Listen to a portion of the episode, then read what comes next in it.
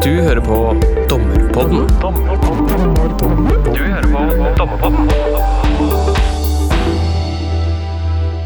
Velkommen til denne episoden av Dommerpodden. Mitt navn er Runa Nordahl Hereid. Jeg er dommerfullmektig i Oslo tingrett. Og jeg sitter her sammen med Ragnar Lindefjell, som har enda et halvt år igjen som lagdommer før han igjen skal tilbake til oss i Oslo tingrett.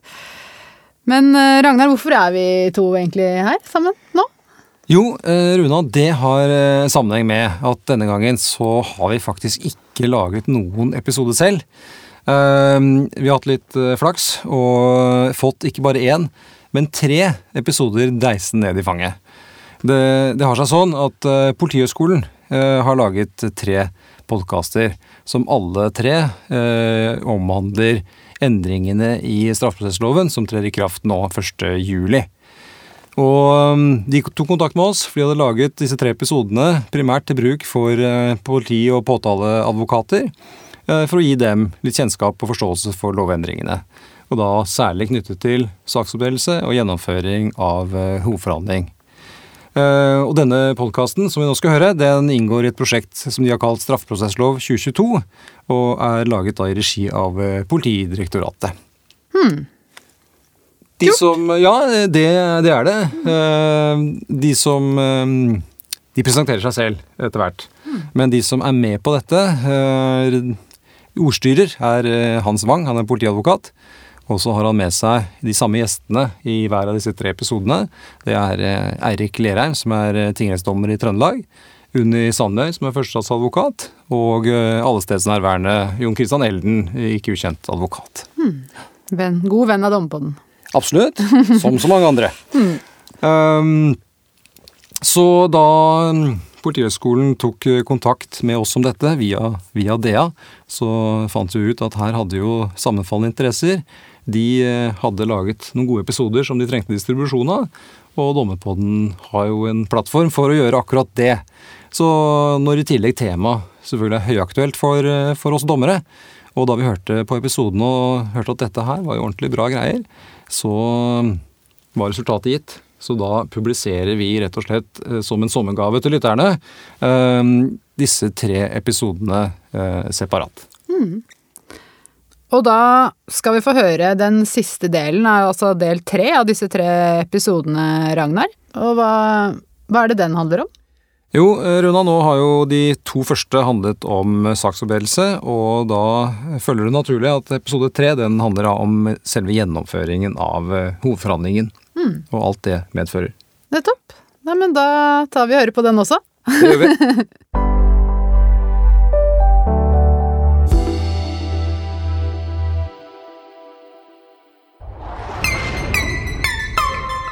Da ønsker jeg velkommen til eh, tredje episode av podkasten vår. Vi har gjort oss ferdig med saksforberedelsene i, den, i de to første episodene. Og det vi skal snakke om i dag, er gjennomføringa av eh, hovedforhandling. Og med meg i studio har jeg fortsatt eh, de pratsomme gjestene. Eh, Tingrettsdommer Eirik Lerheim. Hei. Eh, Første statsadvokat Unni Sandøy. Hei, hei. Og advokat Jon Christian Elden. Alltid på plass. Det er bra.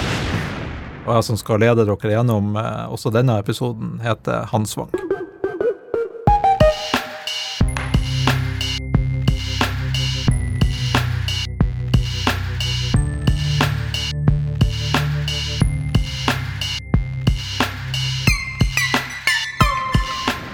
Ja, da er saksforberedelsene over, og vi er klar for uh, hovedforhandlinga, hvor vi skal nyte godt av det grundige forarbeidet. Eh, og Jon Christian, jeg og du vi har jo møttes én gang i Høyesterett. Den ene, den ene saken jeg hadde i Høyesterett, men uh, du hadde mange. Uh, og da husker jeg at jeg ble, eh, jeg ble preppa av en gruppe fra Riksadvokaten. Jeg ble preppa fra statsadvokatkontoret i, i Trøndelag og våkna klokka fire på natta på Bristol og måtte tilføye noe i, i prosedyren min. Og, da, og to minutter før retten ble satt, så kom du svinsende inn med en gullapp i handa. Ja, det, prosedyrene skal være muntlige, så det er ofte det beste, det. Men du må huske at det var også du som vant saken, da. Ja, jeg skulle si det. Resultatet ble jo deretter også, heldigvis. Men nå når hovedforhandlinga begynner, så er jo både, både Unni og Jon Christian avhengig av at eh, Eirik styrer forhandlingen på en effektiv og rettssikker måte. Uh, og der har jeg høna å plukke med deg også, uh, Eirik. For uh, sist vi var i retten i en sak som var beramma over tre dager, tror jeg, så fikk jeg tiltalte ordet etter sin forklaring, og da ble jeg ei utskreven av fireblokk tatt frem, og det begynte på første side og begynte å fortelle om at han var født i det herrens år sånn og sånn. og jeg syns mye av det ikke var så veldig spennende for saken, så jeg søkte litt blikkontakt med deg for at du vennligst skulle gripe inn, men uh, du gjorde ikke det, altså. Nei, jeg, jeg gjorde ikke det, og det Jeg tenker at lovendringa gir ikke noe, noe klarsignal for å gripe inn uh, tidligere enn en før. Eh, overfor tiltalte sin forklaring. Jeg tenker at vi, vi må fremdeles eh, være veldig oppmerksom på at dette her er en veldig viktig begivenhet for tiltalte, og, og det å få, få, lov til å, forklare seg er, er helt grunnleggende, hvis de ønsker det. Men det er klart at mer enn før så bør nok dommere ta inn over seg at lovgiverens forventninger er at at man er litt mer effektiv, altså mer tidseffektiv i gjennomføringa. Og også konsentrere seg om de tingene som saken egentlig handler om. Men her med, med tilskjæring og beskjæring av hovedforhandlinga, det er, det er vanskelig materie, eh, og det er nok lettere å beskjære påtalemyndigheten sitt bevistilbud enn en forsvareren sitt. Og tiltaltes forklaring er jo nettopp en del av det vi, vi er litt forsiktige med å med å beskjære, da. Eh, det jeg tror man kan stille forventninger om, det er at uh, saksforberedelsen uh, bærer frukter i den forstand at det blir mer konsentrert. Uh, jeg tror også at uh, påtalemyndigheten, og for så vidt forsvareren, kan bli flinkere til å be dommeren om å holde kjeft. Hvis, hvis dommeren griper inn i spørsmålsopplegg. øh, opplegg.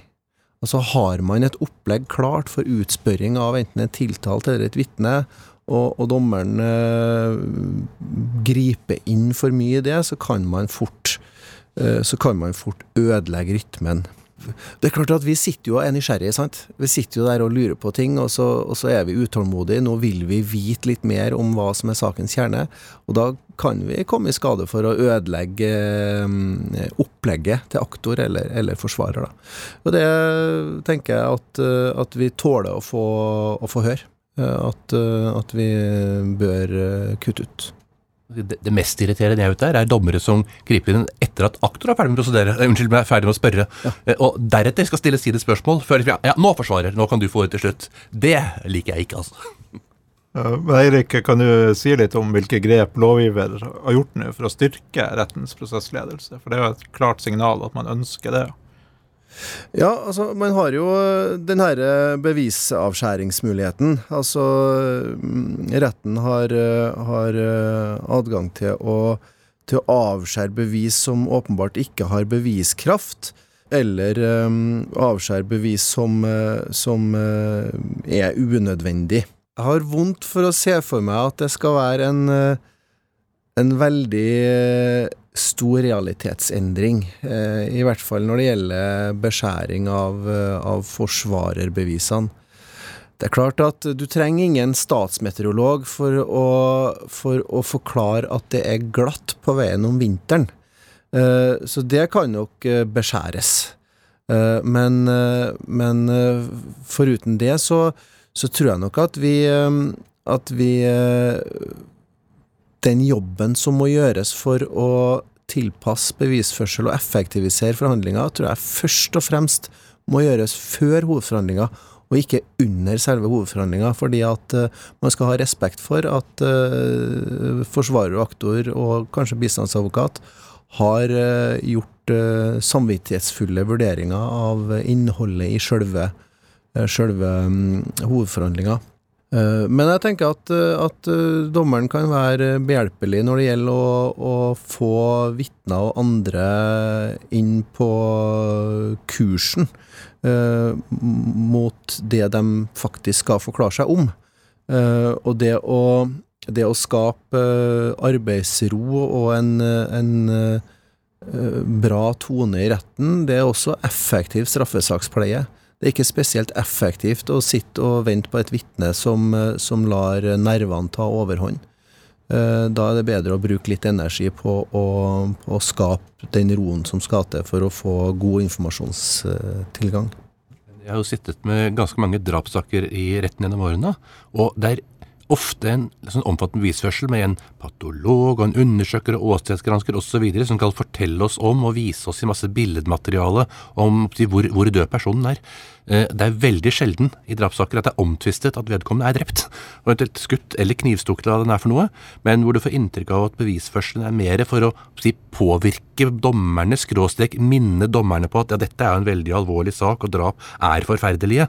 Eh, Det er ikke gitt at det er den effektive bruk av tiden hvis man snakker om å få iretteført saken. Nei, Det er klart at eh, hver enkelt sak må tilpasses i forhold til saksstyring i retten òg. Hvis vi har gjort en god jobb under saksforberedelsen, så skal det egentlig ikke være behov for så veldig aktiv saksstyring når vi er i retten. Da har vi tilskjært saken til det som er tvistepunkter. Vi sitter igjen med de vitnene og de dokumentbevisene som vi er enige om at er nødvendig. Og da tenker jeg at retten skal vise eh, stor respekt og forståelse for de oppleggene som aktor og forsvarer og bistandsadvokatene har laga seg. Både i selve fremdrifta i saken og i utspørringa av det enkelte vitnet. Nå opplever vi stort sett at vi får den respekten i de sakene, i hvert fall vi møter i. Sånn at eh, jeg ser ikke på det som en, eh, en stor utfordring. Det som eh, Eirik var inne på i forhold til bevisavskjæring, tenker jeg at vi òg skal bruke med en viss sånn grad av varsomhet når vi sitter i, i retten. Vi er nå i den situasjonen at uh, domstolen uh, skal våke over sakens opplysning. Og det blir litt sånn i etterpåklokskapens tegn ofte det at vi ser at det og det vitnet kunne ha vært unngått og, og ført. Så får vi heller ta med oss den lærdommen inn i lagmannsretten og kanskje kutte vitnet når vi skal lage bevisoppgaven dit. Og bruke den etterpåklokskapen som ny kunnskap når neste bevisoppgave skal skrives. For uh, særlig når det gjelder vitner som er til gunst for de tiltalte, så tenker jeg at påtalemyndigheten skal være varsom og kreve bevisavskjæring.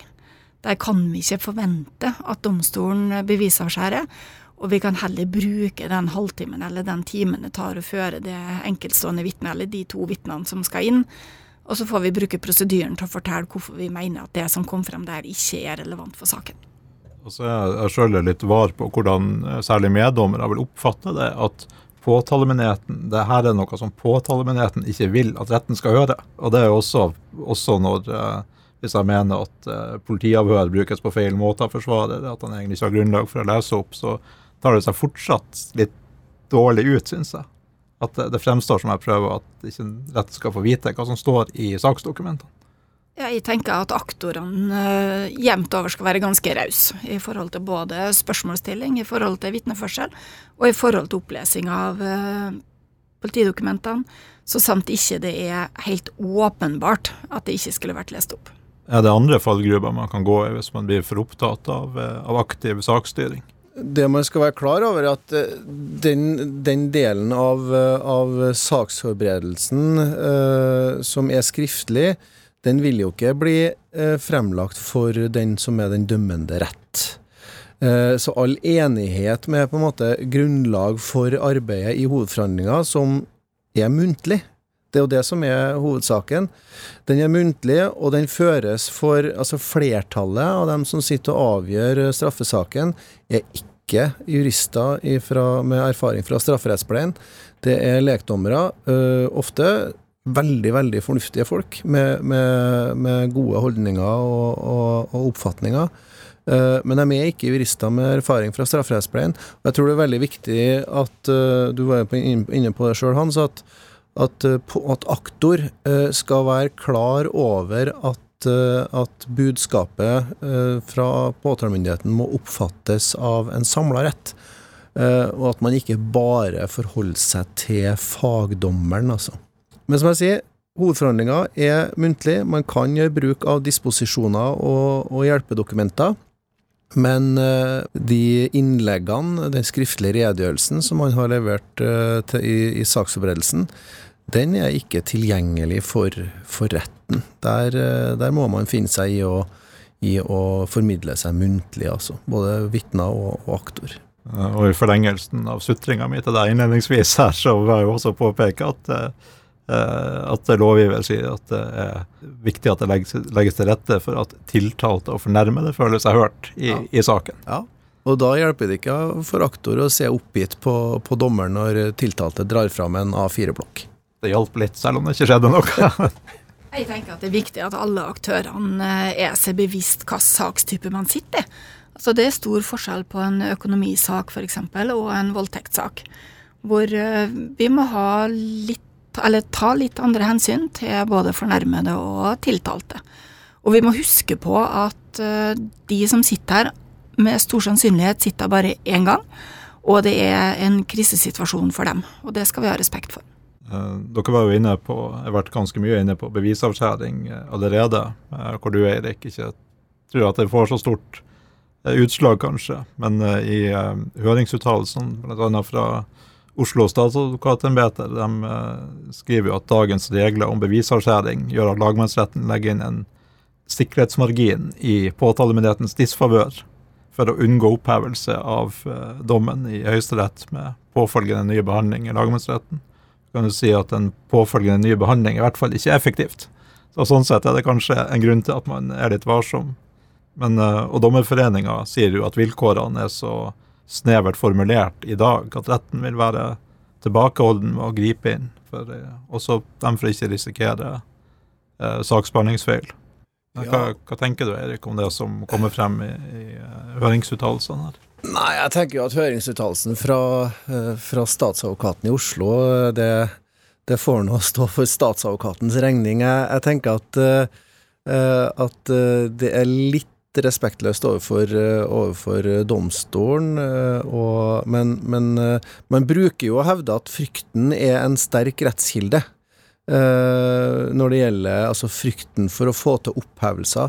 Vel er vi nok de fleste av oss eh, æreskjær i forhold til at vi både gjør en riktig jobb, men også at andre vurderer at vi har gjort en riktig jobb. Det tror jeg vi må, må innrømme. Men at det skal være frykten for opphevelser som driver eller motiverer en, eh, en bevis, eh, altså arbeidet med bevis, Eh, Jeg velger å tro at det snarere er idealet om riktige avgjørelser.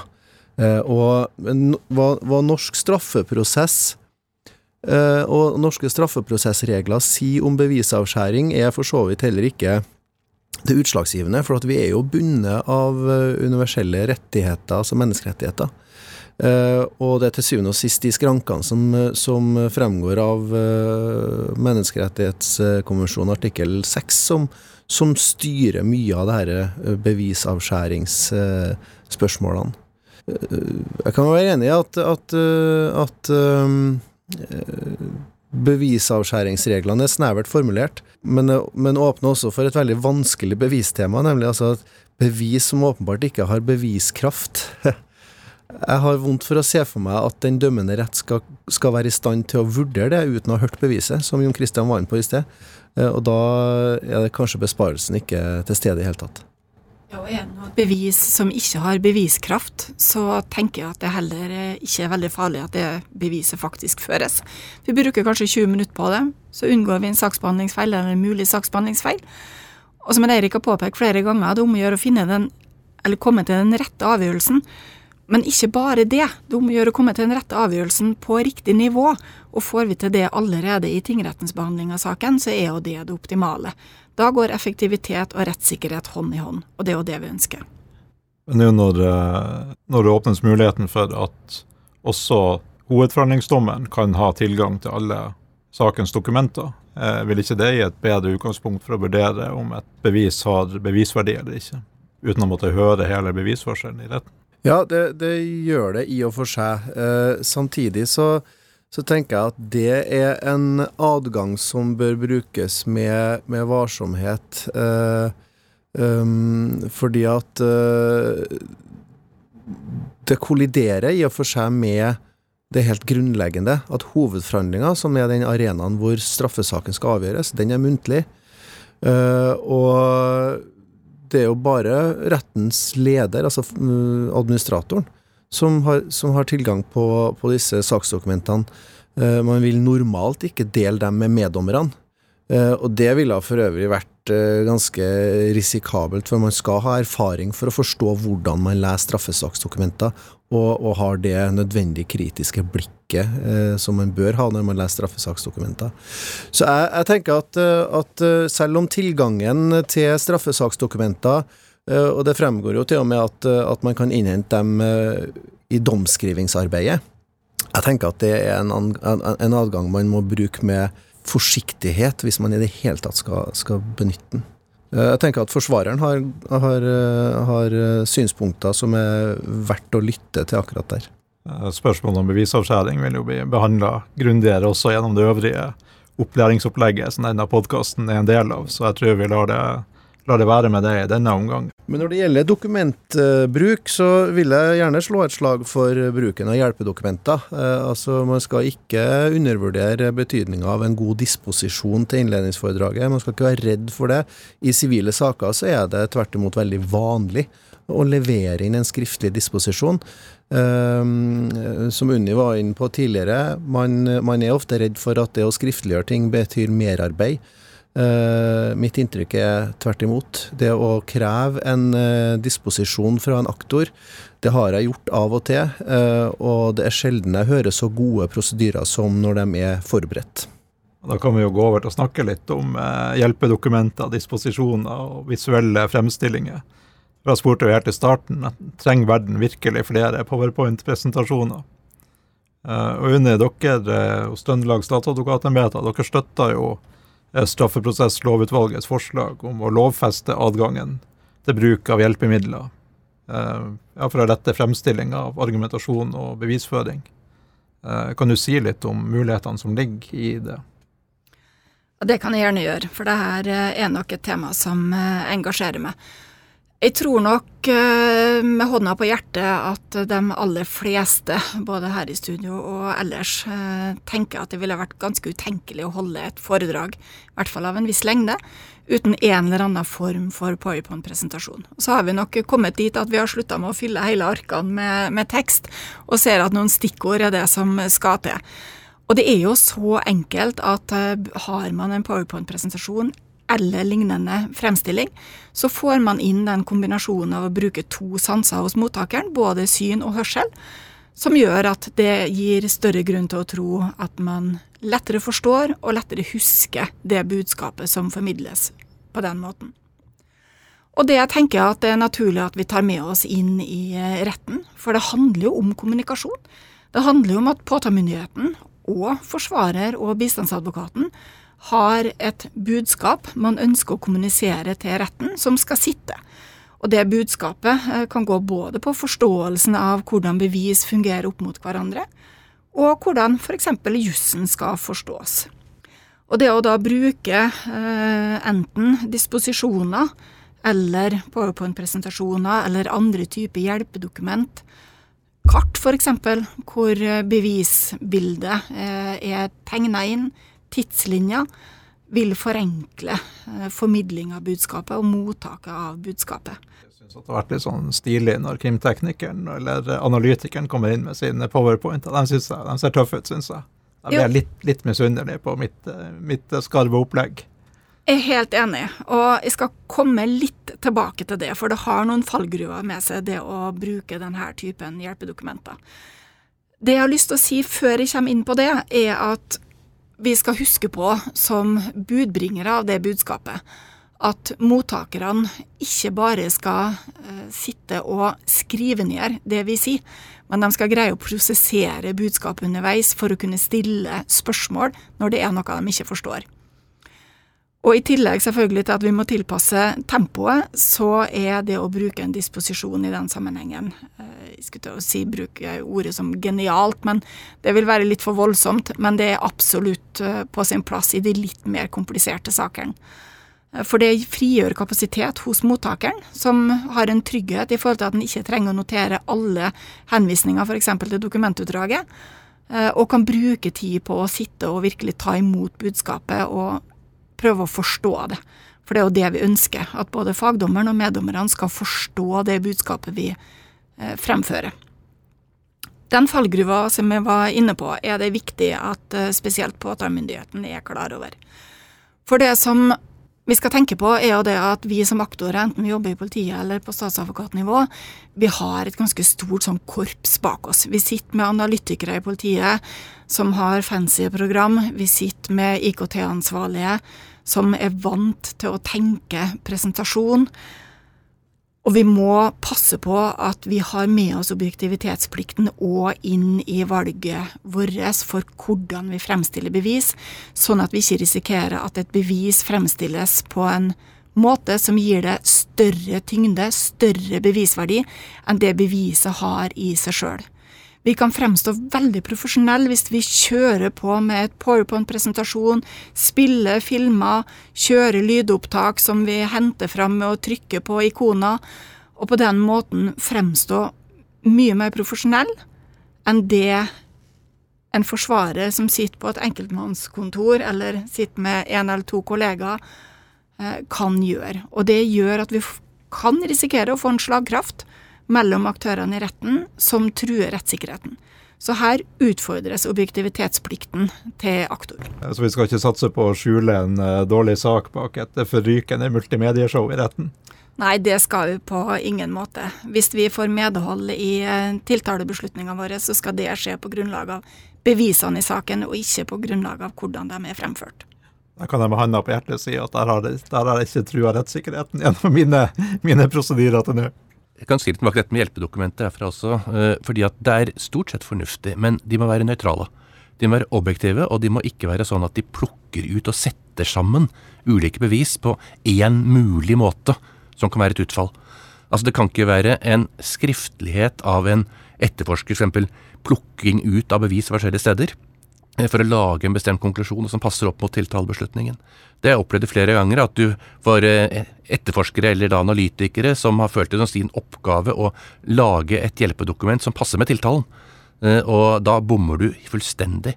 Slik at skal det være et hjelpedokument, så må det f.eks. være de enkle D-variantene, altså kart, tidslinjer, alt mulig sånn, som er relativt, som er nødt til å være nøytralt i sin form. Men også de dokumentene er det viktig at man på forhånd sender til forsvarer. Eh, jeg har opplevd mange ganger at eh, det kommer politivitner eller lignende i retten, og så har de med seg så pent en presentasjon. Eh, aktor er gjerne gått gjennom det flere dager i forveien, men forsvareren og retten får det parallelt når vitnemålet begynner. Og så sier de at tilfeldigvis har vi med oss fem kopier her, så jeg kan gjerne få en delt ut til dommeren også. Ja, så Forsvaret kan også få en, da.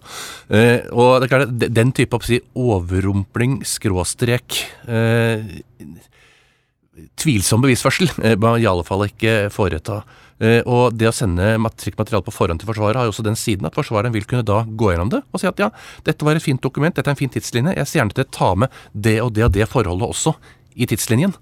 Uh, eventuelt tar ut, hvis det skulle være noe grunnlag for det, på ting som ikke måtte ha betydning, men sånn at man får altså et mer sånn omforenet dokument som retten har mer bruk for, enn at det er sånn at ja, her er det tre telefonsamtaler den ene veien, men dere har glemt de tre som gikk den andre veien. Ikke sant? Altså, det er veldig mye sånn som diskusjoner som man kan løse bare dokumentene sendes på forhånd. Så det må i hvert fall en aktor passe på. Hvis man har tjenestemenn som kommer og som skal presentere noe på en eller annen form for hjelpedokument så må du si at ja, dette må du få sendt ut på oppsi-mail til forsvareren. I hvert fall dagen før, men helst også noe i uh, forkant. Det tror jeg vil løse veldig mye av de problemene som dukker opp når plutselig dokumentet kommer over uh, pulten i dag. Det kom også på fra den saken vi hadde i Høyesterett, og du, Jon Christian, at uh, da jeg begynte å, begynte å prosedere og viste til disposisjonen min, så så jeg at du kom nærmere og nærmere meg fra, fra, venstre, for du vil også ha disposisjon. For den hadde jeg glemt å gi deg. Kunne være greit å ha. ja. Det var stille og diskré. Ja, det var det. Det skal du ha. Uh, men den, den, aktive saksstyringa, Erik, hva er det egentlig dere Eller noen av dere ikke gjør i dag, som lovgiver vil at dere skal gjøre under hovedforhandlinga? Hvis man skal sette litt på spissen, da, så, så forholder jo dommers, dommere seg i dag veldig sånn passivt og lyttende. Altså Man lar showet bli utspilt foran seg, og så trekker man seg tilbake og, og, og trekker konklusjonene. Uh, og når, uh, når, man går inn i, uh, i lovteksten, da, så eh, så er det sånn at eh, hovedforhandlinga, altså retten skal sørge for at hovedforhandlinga gjennomføres eh, sånn som det er avtalt på forhånd. Altså den eh, bestemmelsen om gjennomføring av hovedforhandlinga forutsetter at det har vært en aktiv prosessledelse i, i, i forberedelsesfasen. Eh, Men samtidig så, så er man veldig eh, påpasselig med å minne om at eh, eh, at eh, retten må avklare om saken kan gjennomføres på den måten som, som man har avtalt på forhånd. Altså tar høyde for at det kan ha skjedd ting i, i mellomtida som, som kan endres. Eh, man skal oppklare uklarheter. Eh, altså være aktivt lyttende eh, og gripe inn der man mener at, eh, at eh, aktor eller forsvarer i sine mellomkonklusjoner under vitneutspørringa eh, konkluderer feil. Jeg, tenker at, eh, at man skal også være påpasselig i forhold til det at eh, at vitneutspørringa skjer på en, en måte som er skånsom for vitnet. Veldig mange som forsøker å, å lede vitner inn i, i meningsytringer som de ikke innestår for. Eh, mens vi er inne på dette med hjelpedokumenter og, og fremleggelsen av det, så er jo det rettens oppgave å påse at de uh, har det innholdet og den formen som er samsvar med loven. Jeg er jo- helt enig med Jon Christian i, i det, han, det han sier. Jeg har sjøl også vært med på å avvise hjelpedokumenter som, som i altfor stor utstrekning inneholder vurderinger fra etterforskerens side. Jeg tror påtalemyndigheten må være veldig klar over at det er aktor som må ha styringa med, med hva som er riktige hjelpedokumenter fra påtalemyndigheten.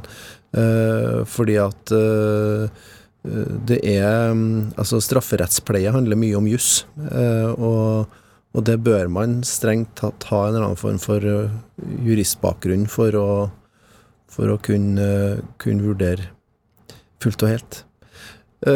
Men de nye lovbestemmelsene de eh, forutsetter at man eh, fra dommerens side er mer aktiv og sørger for en mer effektiv eh, gjennomføring.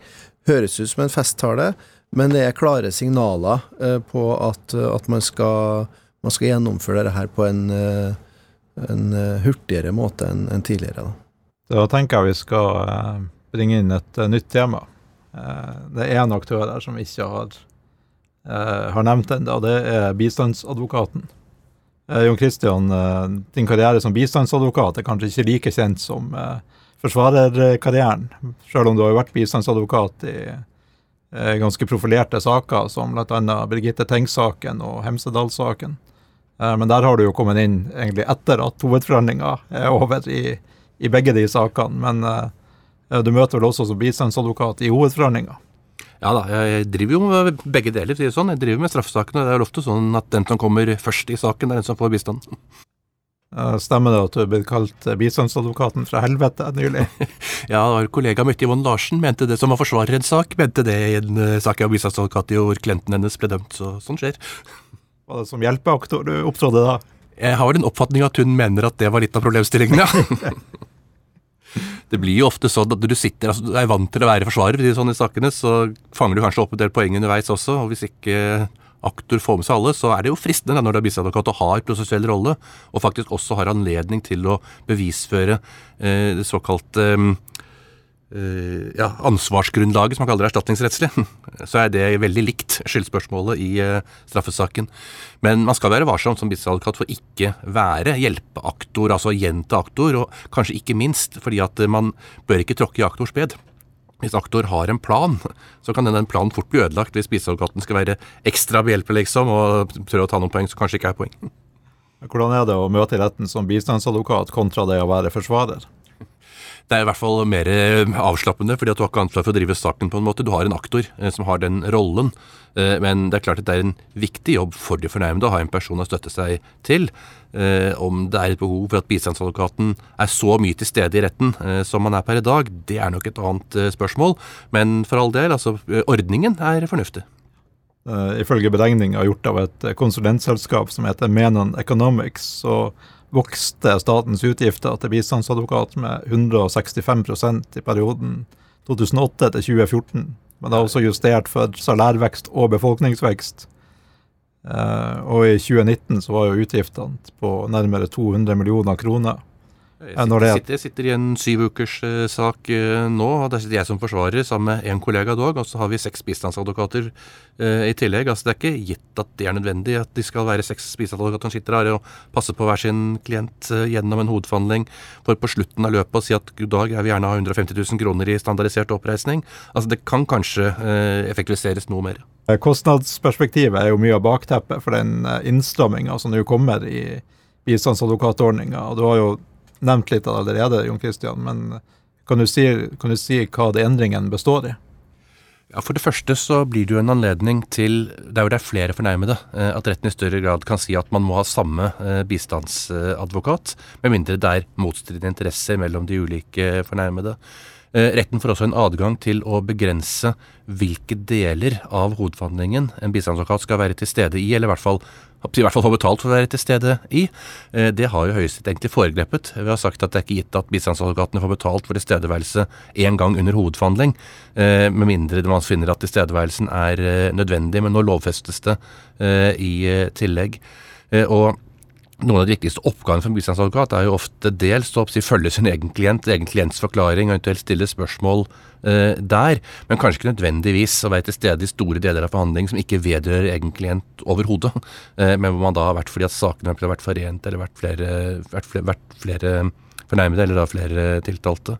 Så det vil være en endring eh, i forhold til tilstedeværelsen. Det igjen vil jo få en effekt eh, på hvor lange slike forhandlinger er. Det er jo klart at jo flere aktører, jo lengre tid tar det.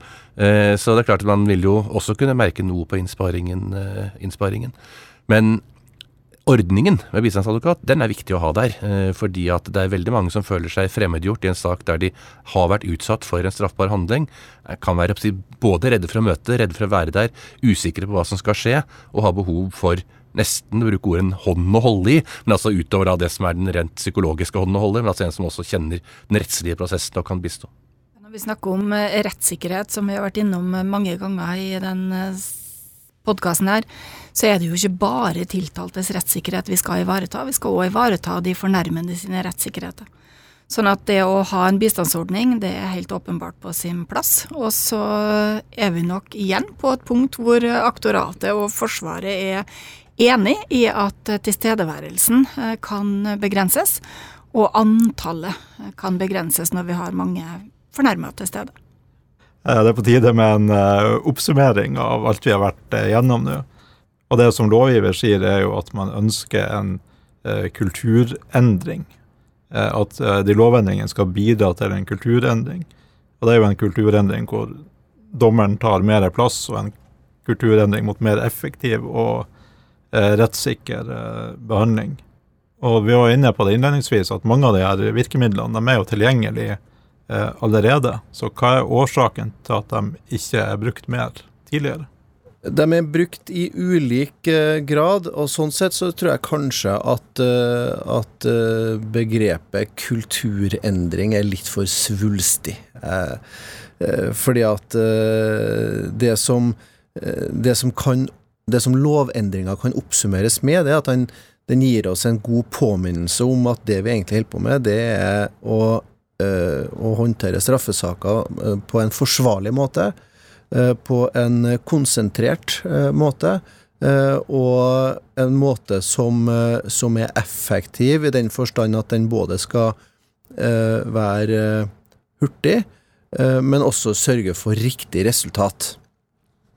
Jeg tror at eh, grunnen til at det ikke er i så stor bruk som, eh, eh, som det det kunne ha vært, eh, det er at det alltid har vært sånn. Vi har en rollefordeling eh, hvor, hvor retten har eh, en rolle i hovedforhandlinga, og tradisjonelt sett eh, nøyd seg med det. Eh, men eh, så har blant annet da, denne pandemien de siste to årene gjort det nødvendig for retten å, å gå inn i saksforberedelsen på et tidligere tidspunkt. Så jeg tror flere domstoler eh, enn det lovgiver har forutsatt, er ganske aktiv i saksforberedelsesfasen. Er jo Lovendringene kommer på et gunstig tidspunkt i forlengelsen av en pandemi. Ja, de kommer på et gunstig tidspunkt fordi at vi allerede er innstilt på det, mange av oss, tenker jeg. Så definitivt på et gunstig tidspunkt. Og det tror jeg påtalemyndigheten eh, tiltrer. Vi har vært gjennom en endringsprosess. eh, Litt fremskynda av pandemien, hvor vi har gått fra papirsaken og over til digital saksbehandling. Både i straffesakspleien generelt og inn i domstolen. Og det gjør at vi allerede er i gang med å se på arbeidsprosessen. Og det å bruke det rommet, den åpninga vi har nå i dag, til å se på om vi kan jobbe annerledes på andre områder òg, det tror jeg er helt på sin plass. Om vi skal kalle det kulturendring eller ikke, det kan vi gjerne diskutere. Det som er viktig å ha med seg, er jo det at, det at vi bruker kulturendringsbegrepet, betyr ikke at det har vært en ukultur tidligere. Det betyr bare at vi skal foreta en endring som er på et grunnleggende plan. Og det grunnleggende planet, det er jo å tenke effektivisering uten at det går utover rettssikkerheten. Eh, De endringene som kommer nå, kan de bidra til en mer ensarta praksis i domstolen? Det må vi leve med store ulikheter fra dommer til dommer? Uh, ja, det, det med ensarta praksis er jo, er jo i og for seg et, eh, et mål, uh, i hvert fall når det gjelder rettsanvendelsen. Det tenker jeg, det, det, må, byg, det bygger jo hele rettssystemet på, at man har en ensarta forståelse av hva som er rett og hva som er galt. Men, men når, det gjelder, når det gjelder forberedelsen og de tingene som ikke handler om, eh, om rettshåndhevelse, eller rettsanvendelse, eh, så vil man nok finne kulturforskjeller. Det handler mye om, om at man har eh, lokale tilpasninger til Sånn som i Trondheim har en, en middels stor politienhet. Eh, mange vil jo si at den er stor. Jeg vet ikke hvor mange jurister det er. 50, 50 påtalejurister i Trøndelag.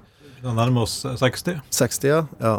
Eh, og, og det er klart at eh, for at hver sak skal behandles likt og rettferdig, så må jo domstolen lokalt i hvert fall sørge for at det er en ensarta gjennomføring av saksforberedelsen i straffesakene lokalt.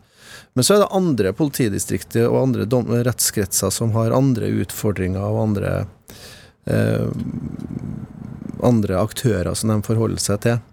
Eh, men lovgivninga, eh, lovendringa, legger jo opp til i hvert fall at man skal ha det samme idealet, nemlig en rettferdig, eh, konsentrert og effektiv gjennomføring av straffeprosessen.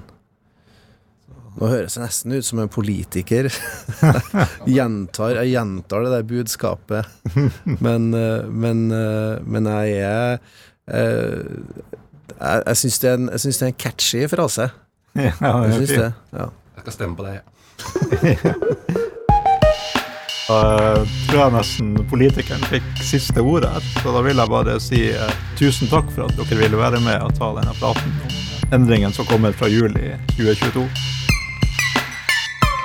Hvis du venter litt nå, så, så kan du havne på tingretten sin eh, Facebook. Yes. men eh, supert at dere eh, kunne stille oss. Ok, Veldig bra. Ja, jeg må gjøre mer. Du har lyttet til en episode av Dommepodden.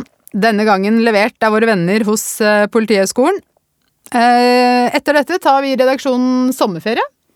Det gjør vi, Runa. Det gleder vi oss til. Og redaksjonen benytter anledningen til å ønske alle våre lyttere en varm og god sommer uten prosessuelle hindre av noe slag. Du har hørt på Dommepodden. Dommepodden er en podkast fra Norges domstoler og er først og fremst ment som et kompetansetiltak for dommere. Hvis du har ris, ros, forslag til temaer eller folk vi kan prate med, så er vi glad for å høre fra deg, og da kan vi nås på podkast at domstol.no. Ha en god dømmende hverdag så lenge. Vi høres.